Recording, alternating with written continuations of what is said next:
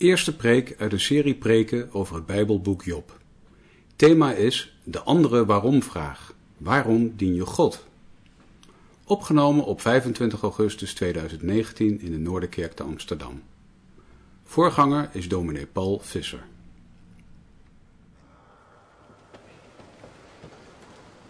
We beginnen vanavond de lezing van het boek van Job. Nou hij heeft het niet geschreven. Dat zou je zomaar een beetje onwillekeurig kunnen gaan denken. Het is vernoemd naar de hoofdpersoon. De auteur is onbekend. Auteur was overigens uh, een man die van heel veel dingen uh, afwist. Dat merk je uit heel zijn boek.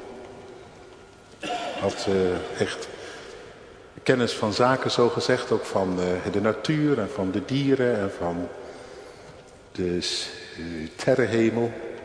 Dus een slimme man. En daarbij een mens die ook uh, inzicht had in het bestaan. dat heet in de Bijbel wijsheid. Dat je zeg maar, er oog, en, oog voor hebt en er erg in hebt van hoe het gaat. En hoe ingewikkeld het allemaal uh, soms ligt. En wijsheid betekent hier niet dat je overal een antwoord op hebt, maar dat je het onder ogen ziet. Het moeilijke, het lastige. En daar op een, uh, op een genuanceerde manier mee omgaat. En niet zomaar dan altijd een antwoord hebt. Maar de dingen afweegt, overweegt. Nou, dat gebeurt door dit hele boek heen. En daarbij, behalve dat hij dus, zou ik kunnen zeggen, intelligent was en wijs, zeer gelovig. Dat kan dus allemaal samen opgaan. Zeer gelovig. Want hij loopt tegen heel veel dingen op die hij niet begrijpt. En hij gaat tot het uiterste, ik zou willen zeggen gedreven door Gods geest. Gaat hij tot het uiterste in het zoeken naar een antwoord. Het gaat over Job en die vrienden en hoe dat dan verloopt, dat gesprek. Maar uiteindelijk is het er hem om, om te doen dat niet aan Satan het laatste woord is of aan het kwaad. Maar daar middenin, aan God. Zonder dat je hem helemaal kunt volgen en vatten. En toch. Het kan niet anders dan dat die auteur daar zelf heel diep van was verzekerd. Van dit geheim. Te midden van alle raadsels. Maar hij, hij redeneert er niet gemakkelijk naartoe. Hij gaat met ons de diepte in. En dat begint in hoofdstuk 1. Er was een man in het land Us. Zijn naam was Job. En die man was vroom en oprecht. Hij was godvrezend en keerde zich af van het kwaad. Er werden zeven zonen en drie dochters bij hem geboren. Aan vee bezat hij 7000 schapen, 3000 kamelen, 500 juk runderen en 500 ezelinnen. Verder had hij een zeer groot aantal slaven, zodat deze man aanzienlijker was dan alle mensen van het oosten. Zonen waren gewoon om een maaltijd aan te richten, ieder op zijn beurt, in, in eigen huis. Ze stuurden dan boden en nodigden hun drie zusters uit om met hen te eten en te drinken. Het gebeurde dan, als de dagen van de maaltijden voorbij waren, dat Job hen bij zich riep en hen heiligde. Hij stond s morgens vroeg op en bracht brandoffers voor ieder van hen één. Want Job zei, misschien hebben mijn kinderen gezondigd en God in hun hart vaarwel gezegd. Zo deed Job alle dagen. Het gebeurde op een dag dat de zonen van God kwamen om hun opwachting te maken bij de Heer. Dat ook de Satan in hun midden kwam. Toen zei de Heer tegen de Satan, waar komt u vandaan? En de Satan antwoordde, de Heer en zei, van het rondtrekken over de aarde en van het rondwandelen daarover. Je kunt ook vertalen rond zwerven de Satan als een zwerver. De Heer zei tegen de Satan, hebt u ook acht geslagen op mijn dienaar, op Job? Want er is niemand op aarde zoals hij, een vroom en oprecht man. Hij is godvrezend en keert zich af van het kwaad. Toen antwoordde de Satan de Heer en zei, is het zonder reden, is het om niet dat Job God vreest? Hebt u niet voor hem en voor zijn huis en alles wat hij heeft een beschutting gemaakt. Het werk van zijn handen hebt u gezegend en zijn vee breidt zich steeds verder uit in het land.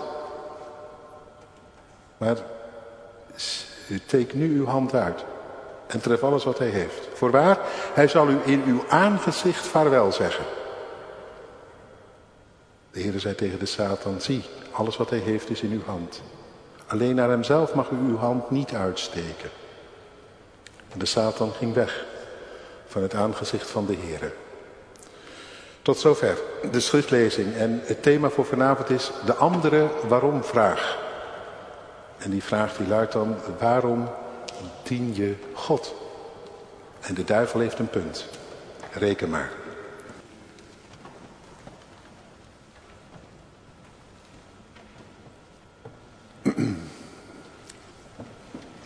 Gemeente van Christus, broeders en zusters, om te beginnen even iets richting de kinderen.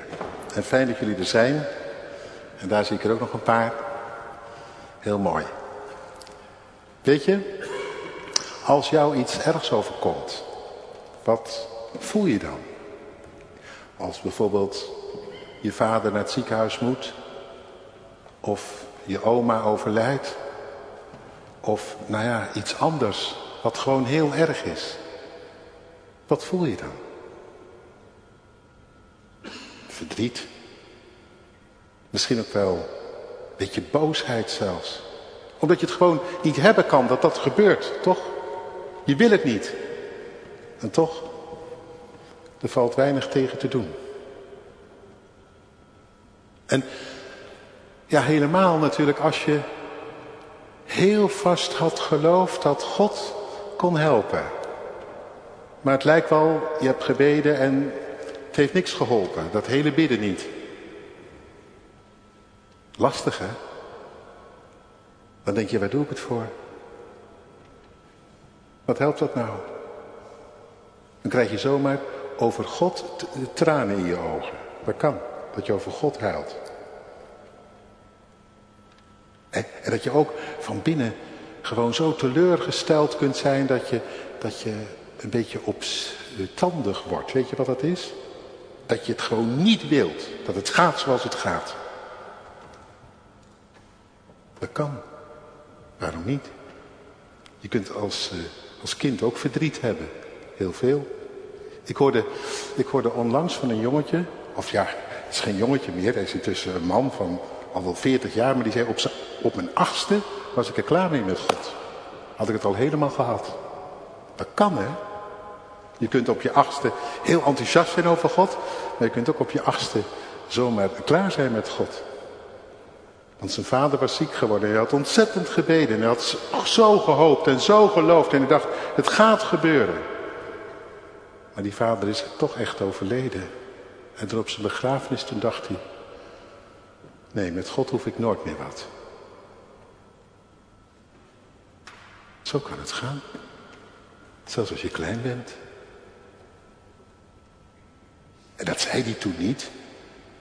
Maar het had zich wel helemaal vastgezet in hem. En toen hij wat ouder was, toen heeft hij ook een besluit genomen. Ziezo, voor mij hoeft het niet meer. Nou, daar gaat het over in het verhaal wat we gelezen hebben. Het verhaal van Job. Nou, niet alleen eh, over boosheid en opstand, maar wel over dat, dat je het gewoon niet snapt hoe het gaat. En God dan niet meer kunt begrijpen. En denkt, hoe zit dat nou? En je afvraagt, is dat nou iets van de boze, van de duivel?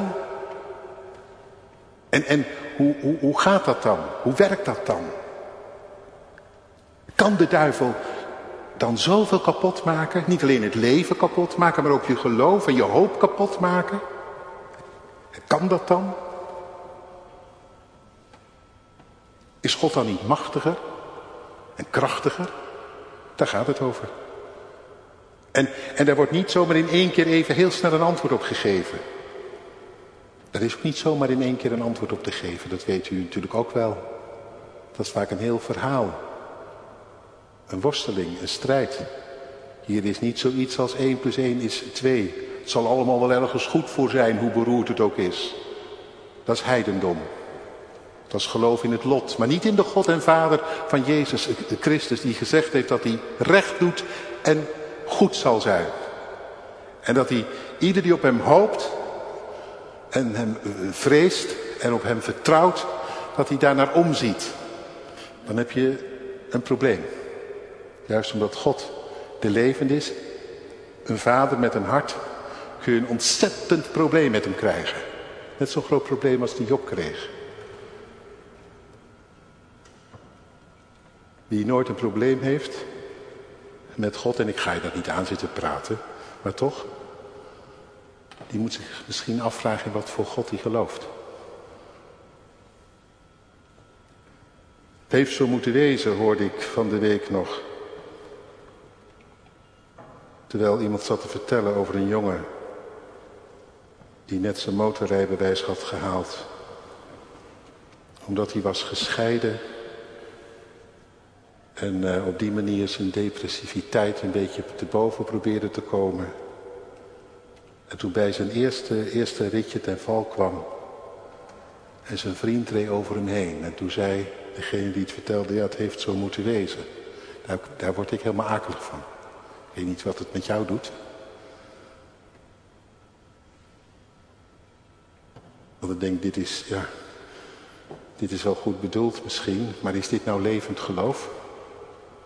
Wat is dit eigenlijk voor praat? Het boek, in het boek Job gaat het anders. De auteur heeft niet zomaar een paar uh, recht toe, recht aan antwoorden. Eén recht, twee afrecht en het klopt altijd. Nee. Wordt een heel verhaal. 42 hoofdstukken lang. En hij probeert te doorgronden, al schrijvend. En hij vraagt zich af, hoe zit dat toch met, met God? Hoe kan het bestaan dat een man als Job overkwam wat hem overkwam? En daarbij de Satan, die andere macht, die kwaaie kracht, die tegenpartij. Hoe zit het daar dan precies mee? Hoe werkt dat nou? Het afgrondelijke van het leven probeert hij op de een of andere manier te doorgronden. Maar dan wel met één verlangen. Niet om op alle vragen antwoord te krijgen, maar om op zijn minst één ding gaande en staande te houden. Dat het laatste woord niet is aan de tegenpartij, aan de boze, aan de hel. Dat het laatste woord is aan God, aan Christus, aan de hemel. Maar hij voelt aan die auteur, dat heb je niet 1, 2, 3 allemaal rond.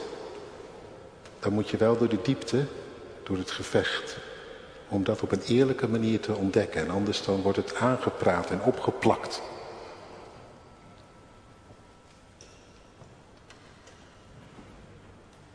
En natuurlijk, zolang het om een ander gaat, dan lukt dat nog wel om het aan te praten en op te, uh, op te plakken. Maar gaat het jezelf aan, dan wordt dat ingewikkelder. Dan weiger je het ook. Dat het je zomaar wordt aangepraat en dat er wordt, wat wordt opgeplakt. Je moet maar denken, zeggen de mensen dan. Oh ja, wat moet ik denken? Ik denk even helemaal niks meer. Zoiets. Snap je? Laten we maar gaan lezen. Want uh, er staat heel wat. Ik ga het proberen, een poging wagen. Om uh, het geheim van dat eerste gedeelte van, uh, zeg maar vanavond te laten oplichten. Wat gebeurt hier nou eigenlijk?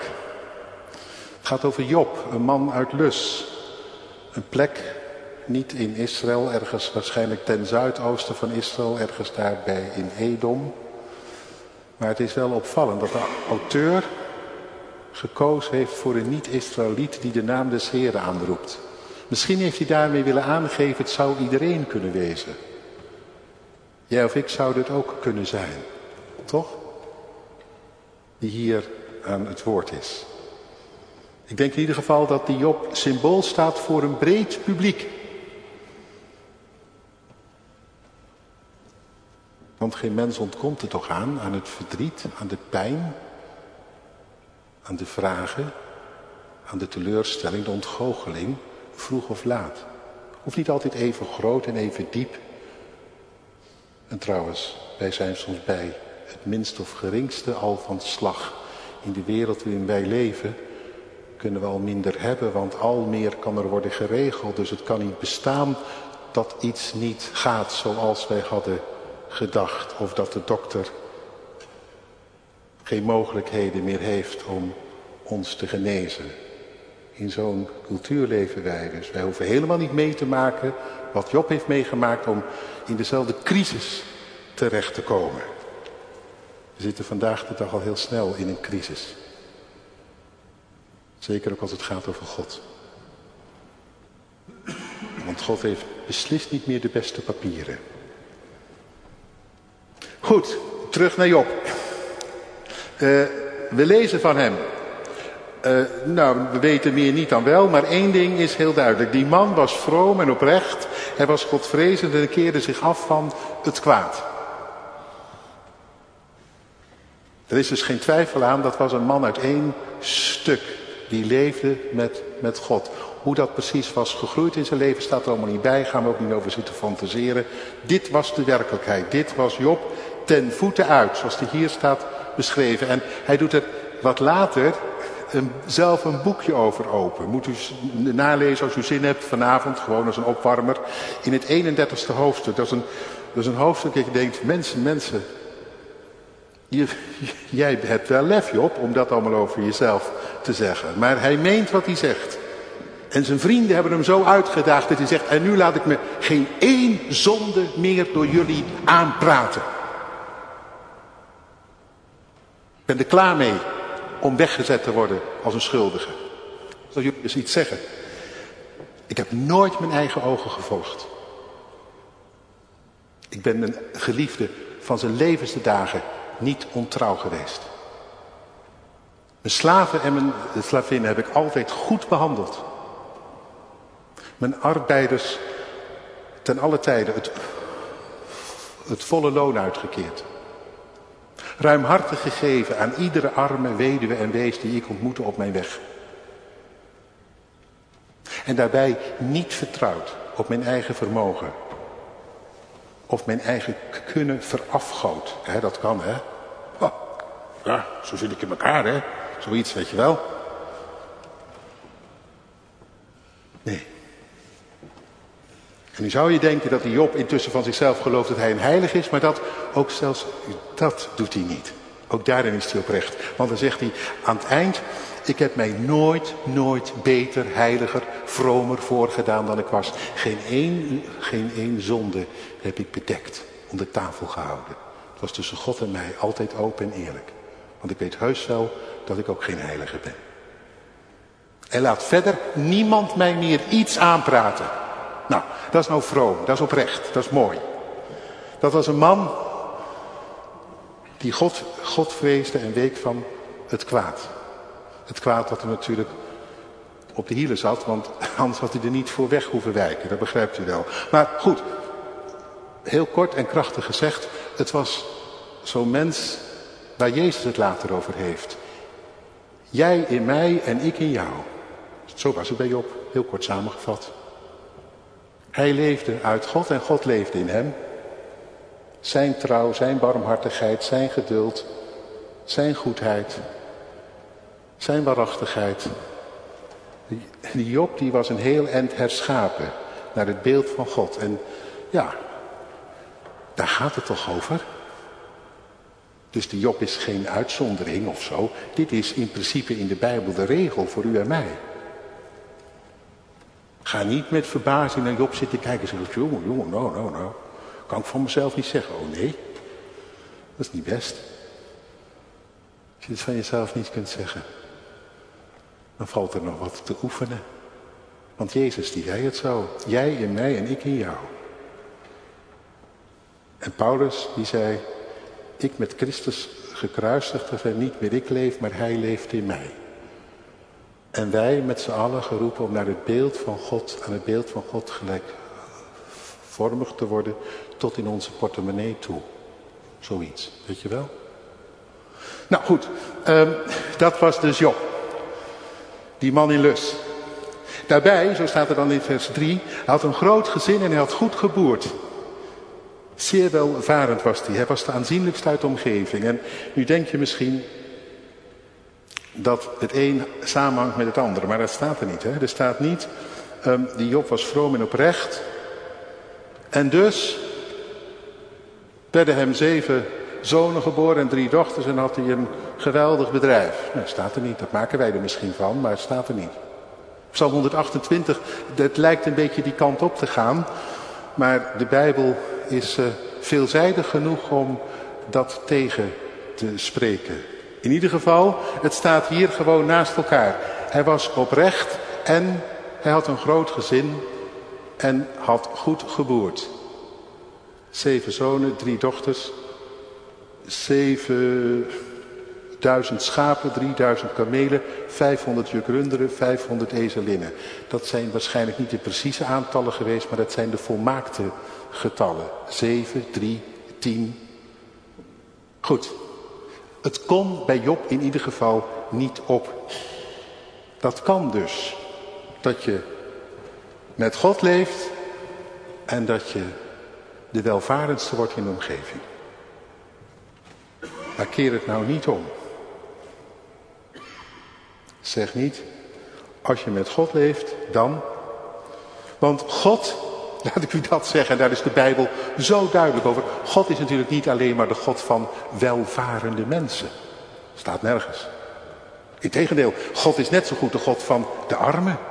En van de weduwe, en van de wees, en van de ellendige, en van degene die onder de, onder, de, onder de voet wordt gelopen en die aan de grond zit. Er staat zelfs, ik woon in het heilige en, op, en bij succesvolle mensen. Nee, bij die die aan de grond zit, gebroken, in pijn, daar. Dus dat doorbreekt het schema dat als je God vreest, dat het dan als vanzelf voor de wind gaat. Want wie zoet is, die krijgt het lekkers. Wie stout is, ja, de roe. Nee dus, echt niet. Gelijk hier wordt het beeld al doorbroken.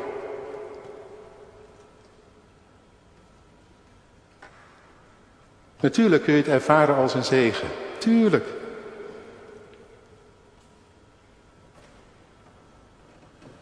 Als het goed gaat. Maar geloof is geen garantie dat het je vergaat als Job. En zijn gunst over je leven is God zij dank, zou ik willen zeggen. Niet afhankelijk van de omstandigheden waarin jij verkeert. Het zou een mooi boel worden, zeg. Je kunt arm zijn en toch rijk in hem. Je kunt schatrijk wezen en doodarm voor God. Daar is de Bijbel vol van. En dat laatste is zelfs heel vaak het geval. Of op zijn minst een giga-verzoeking. En het eerste wat ik zou willen zeggen over die Job is dat het heel apart is dat die man goed geboord had, een groot gezin, dat hij welvarender was dan wie ook maar in zijn omgeving en dat hij toch trouw is gebleven aan God. Dat vind ik nou eens bijzonder. Want er wordt in de Bijbel erg voor gewaarschuwd dat je dan heel makkelijk God kwijtraakt. En dat had Job, dat was Job dus niet overkomen. Hij had God eigenlijk helemaal niet meer nodig, want hij had alles wat zijn hart, van wat zijn hart begeerde.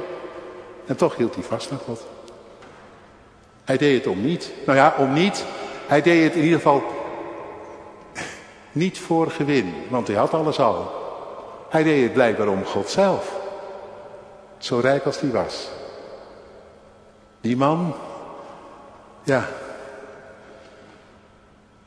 die had zoveel met God dat zelfs zijn rijkdom hem daar niet van kon scheiden. Dat is een mooie, hè? Ja. Zijn, uh, zo zeggen wij dan, sterke benen die de weelde kunnen dragen.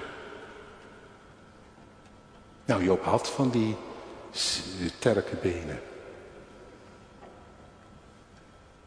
Je zou kunnen zeggen dat kwam omdat ze niet stram waren geworden, maar dat ze soepel waren gebleven.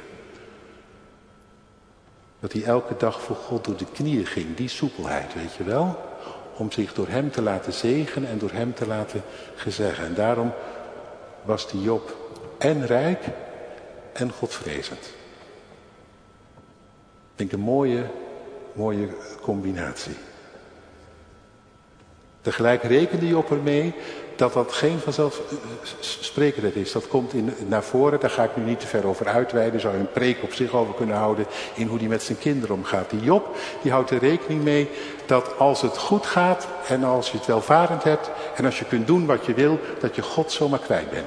Daar houdt hij op rekening mee, want hij zegt, het zou kunnen zijn dat mijn kinderen, ja, die, die bouwden het ene feestje naar het andere en dat konden ze ook makkelijk doen. Geld genoeg, vermogen te over. Dus, en als je dan nog niet zo gehecht bent aan God, dan schiet hij er soms zomaar bij in. Job hield daar rekening mee. Job was een realist. Die zei niet, ja dat geloof ik niet hoor. Als ik uh, mijn kinderen een beetje ken, dat overkomt hij niet. Nee, Job die kende zichzelf. En die dacht, God het is een wonder dat ik u niet kwijt ben geraakt. Maar die kinderen van mij, het zou zomaar kunnen dat ze bij het een of andere feestje u in hun hart vaarwel hebben gezegd, dat ze er klaar mee zijn. Omdat ze nog niet genoeg met u hebben. En dan ga je op in de feestjes en dan moet God, heeft God voor het nakijken. En, en toen deed hij iets heel moois. Hij riep ze dan na verloop van dagen, als het feest voorbij was, dan riep hij ze naar zich toe. En dan begon hij niet uh, ze te veroordelen op het matje te roepen, maar dan zei hij, mijn lieve kind, ik heb een offer voor jou. Zullen we samen knielen en bidden? Hij verweet niet van, oh jullie zullen wel. Nee, hij zei, dat, dat zei hij niet. Hij ging wel met zijn gebed. En die gingen vanuit zelfs al hebben ze God in hun hart vaarwel gezegd, dan gaan we nu samen in gebed. Die Job die deed iets heel moois. Die oefende zijn kinderen erin dat al heb je het al heb je gedaan wat je wilde, al ben je je eigen gang gegaan, al heb je God gewoon ze maar links laten liggen, dat je dan toch terecht kunt bij dat altaar. En dat er altijd weer een begin is. Ook al kun je het niet meer overdoen. Wat je hebt gezegd, gedacht, gedaan. Dat deed je op met zijn kinderen. Daar oefende hij ze in. Daar ging hij ze in voor. Dat is mooi. Als je zulke ouders hebt. Als je zelf zo'n ouder bent. Denk er maar eens over. Hoe jij dat doet. En toen. Ja, ineens kijken we achter de, achter de schermen. Er wordt hier op een bepaalde manier iets verbeeld, verwoord. Het gebeurde op een dag dat de zonen van God kwamen om een opwachting te maken bij de Heer, dat ook Satan in hun midden kwam. En nu ga ik niet met u zitten uitharen hoe dat precies in elkaar zit. Dat kan ik niet zeg ik ook eerlijk. Het is een bepaalde manier van verwoorden, een verbeelding van een gebeuren. En het wil vooral dit ene zeggen.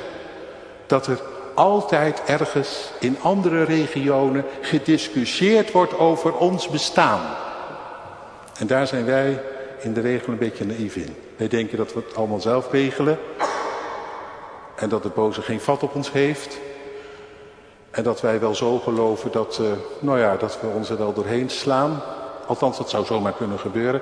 Maar hier, hier wordt iets zichtbaar, dat wil dit, dit zeggen. Er wordt gediscussieerd over jouw bestaan. En de boze, je hebt een tegenpartij, hè?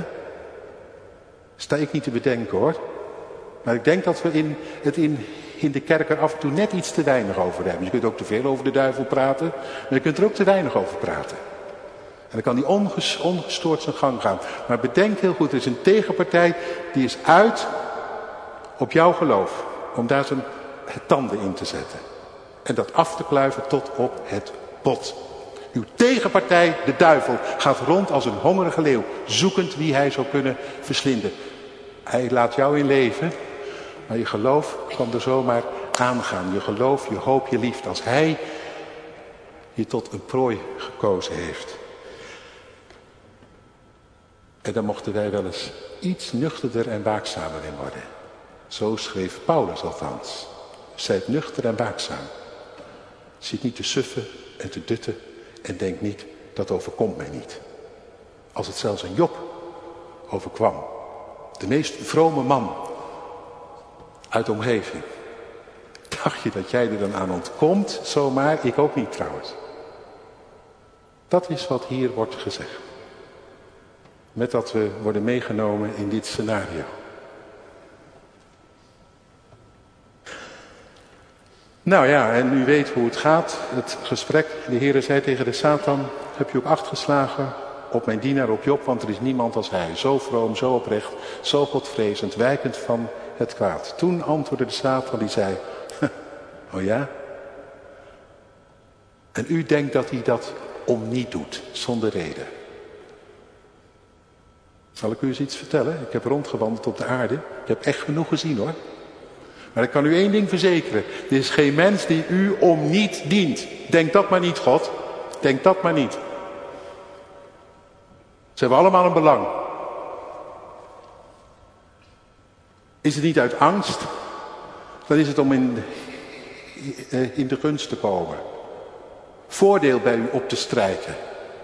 Een beetje zekerheid. Voor als de dood zich aandient misschien. Maar er is er echt niet één hoor, die, die om niet u dient. Om uzelf. U denkt dat u geliefd wordt door Job? Nee, ik kan niet ontkennen. De man is vroom. Hij is oprecht. Hij wijkt van het kwaad. God, God, God, Godvruchtig van je welste. Maar u denkt toch niet. Denkt u dat? Is hij uw visitekaartje zo gezegd? Heb je acht geslagen op mijn knecht? Jazeker.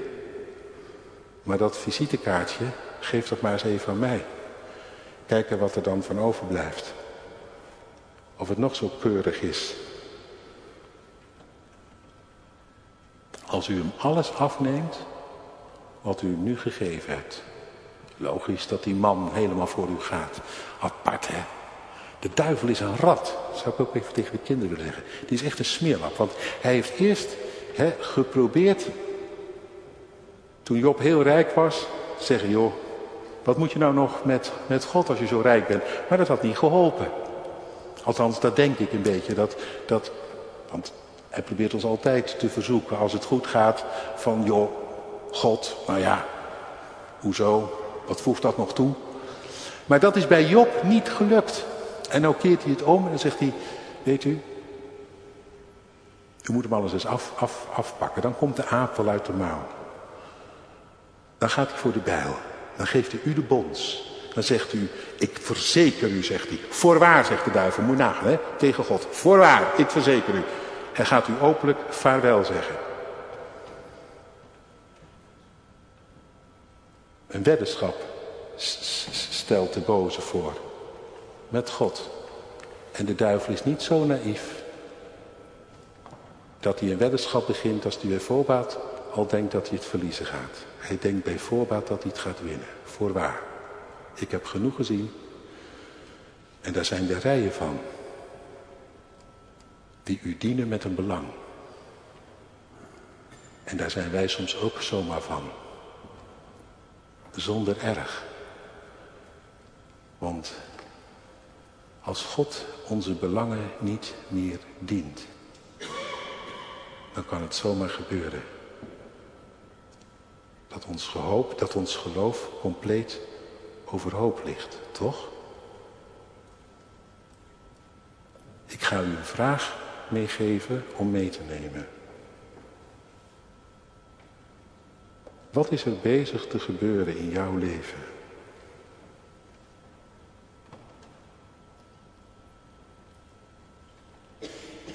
En dat kan op twee manieren. Als het tegen zit, dat je steeds verder wegraakt van God, steeds meer moeite met hem krijgt, steeds minder voor hem voelt. Of als het reuze goed gaat en dat God dan ook als vanzelf buiten beeld raakt. Omdat je er geen belang meer bij hebt om te buigen en te bidden. Voel je het? Ik ga een vraag aan je stellen. Wat is er bezig te gebeuren in jouw leven? En is de duivel misschien zo stiekem gaandeweg zijn gelijk aan het halen? Er haken vandaag heel veel mensen af. Ze zijn er klaar mee met God, teleurgesteld. Of ze hebben zoiets, hij voegt niks meer toe. Ik heb alles wat ik hebben wil. Wat moet ik er nog mee? Wat heb ik er nog aan? En de duivel zegt, zie je wel, dat heb ik toch altijd al gezegd. Als mensen ineens zien dat God niks meer toevoegt of dat ze niks aan hem beleven of dat hij hen gewoon aan hun lot overlaat en bidden niet helpt. Nou, dan zijn ze er zo mee klaar hoor. De duivel zit niet zomaar wat te roepen, hè? dat voelt u. De duivel heeft er hele goede redenen voor om dit te zeggen.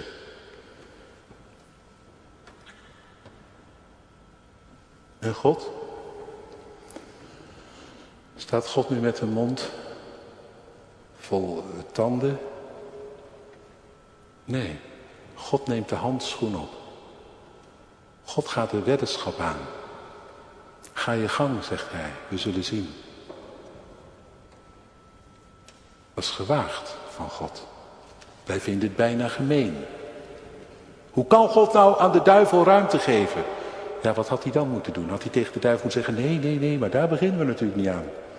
Dan had de duivel hem recht in zijn gezicht uitgelachen. Gezegd, zie je wel God, u bent er bang van hè. Dat uw werk het niet houdt als puntje bij je paaltje komt. Als u hem alles ontneemt wat u hem gegeven hebt. Dat als hij u het alleen met u moet doen, dat hij er ook, ook klaar mee is. U durft het niet aan hè. God zegt, ik durf het wel aan. En ik ga het ook aan. En we zullen zien.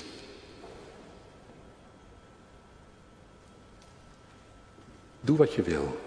Blijf alleen van zijn leven af. Ja. Geëindigen. Met dat ik dit verhaal zo las en het op me doordrong wat er stond en wat er, er gebeurde, dacht ik, wat zit dit allemaal dichtbij? En ik dacht ook, er wordt hier niks opgelost. Er worden wel een paar dingen heel duidelijk gezegd. De kwade opzet, die komt niet uit de hemel, die komt echt uit de hel.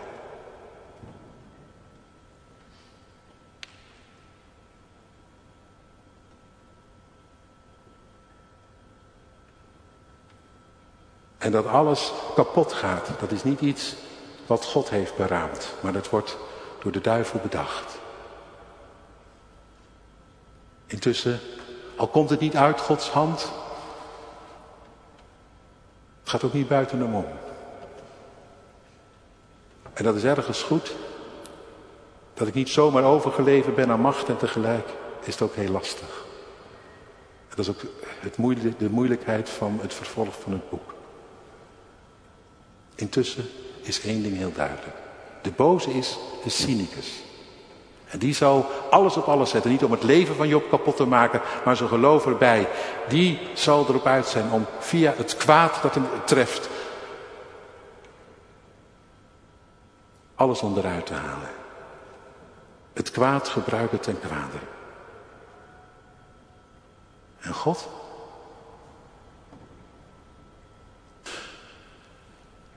God zal door alles heen. Die Job midden in alles wat hem overkomt, nabij zijn.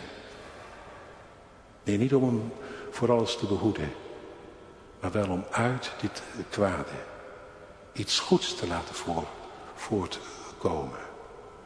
Het gelijk van God, zo gezegd, en het ongelijk van de boze. Dat het toch een mens, dat het toch kan bestaan, dat een mens met dat alles, alles hem uit handen wordt geslagen, zingt en zegt, niets kan mij scheiden van uw liefde. God, al hou ik niemand anders over dan u. Al doodt u mij, dan zal ik toch op u hopen.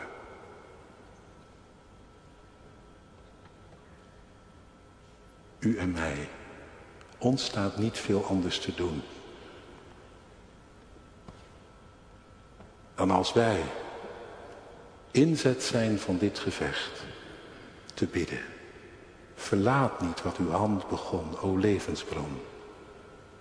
Uw bijstand zenden en reken maar dat hij doet. Want wat de duivel ook wet, de overwinning is en blijft aan de Vader, de Zoon en de Geest. Amen.